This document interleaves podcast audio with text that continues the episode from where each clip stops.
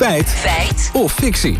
Nou, daar hebben we hem. Over het, het lezen van boeken. Ja, want wat is het laatste boek dat jij las? Wat ik nu heb liggen en waar ik aan het lezen ben, is Zomer van Ellie Smith. Ah, ja, nou dat zou een man dus niet lezen. Oh. Want in The Guardian stond Zonde. afgelopen week een eh, artikel over het lezen van boeken. En daarin wordt gesteld dat mannen voornamelijk boeken lezen die zijn geschreven door andere mannen.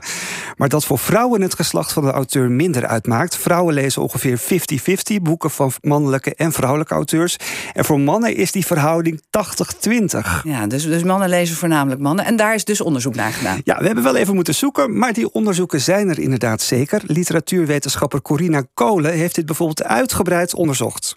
Dat was een online enquête. Die hebben wij online gezet en gewoon mensen uitgenodigd van... eh, nou, als u interesse heeft in, eh, in fictie lezen, dan mag u dit invullen. En eh, dat is toen drie kwart jaar heeft dat online gestaan. En daar zijn toen uiteindelijk 13.700 reacties opgekomen. Ja, ruim 13.000 mensen vulden dus dit onderzoek in. En wat, wat waren de resultaten dan? Ja, dat legt Corine Kolen uit. Allereerst is het zo dat in ons onderzoek de verdeling, de genderverdeling al scheef was. Dus rond de 70% was al vrouw. En dat komt waarschijnlijk doordat vrouwen meer fictielezers zijn. Daarnaast is het wel zo dat mannen duidelijk gewoon een voorkeur hadden voor romans door eh, mannelijke auteurs. En bij vrouwen eh, was het inderdaad half-half verdeeld. Je had echt mannen erbij die zeiden... ja, dit boek, daar ben ik wel aan begonnen, maar dat eh, was te vrouwelijk voor mij. Dus dat, dat lees ik daar niet.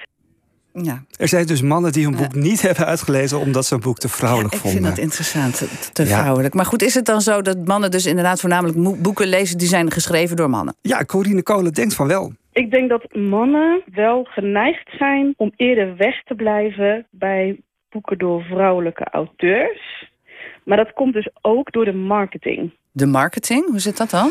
Eh, ja, dat klopt. We, we belden met Paul Sebes, oprichter en eigenaar van Sebes en Bisseling Literair Agentschap. En hij geeft daar een voorbeeld van.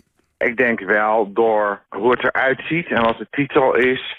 En waar het ligt in de boekhandel, dat dat veel uitmaakt. Dus als, je, als je Lucinda Riley neemt of Nora Roberts of zo, of nou Colleen Hoover, dat is dan nu de, de nieuwe hit in de, in de commerciële vrouwfictie. Ja, dan ga je, ja, eerlijk gezegd, ga je, ik als man ook echt niet mee in de trein zitten.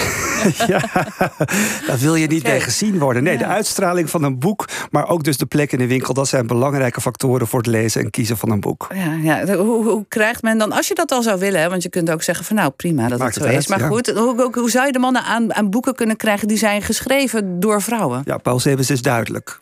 Ja, ik denk gewoon niet. Tenzij, tenzij het voor, voor het boek niet zoveel uitmaakt.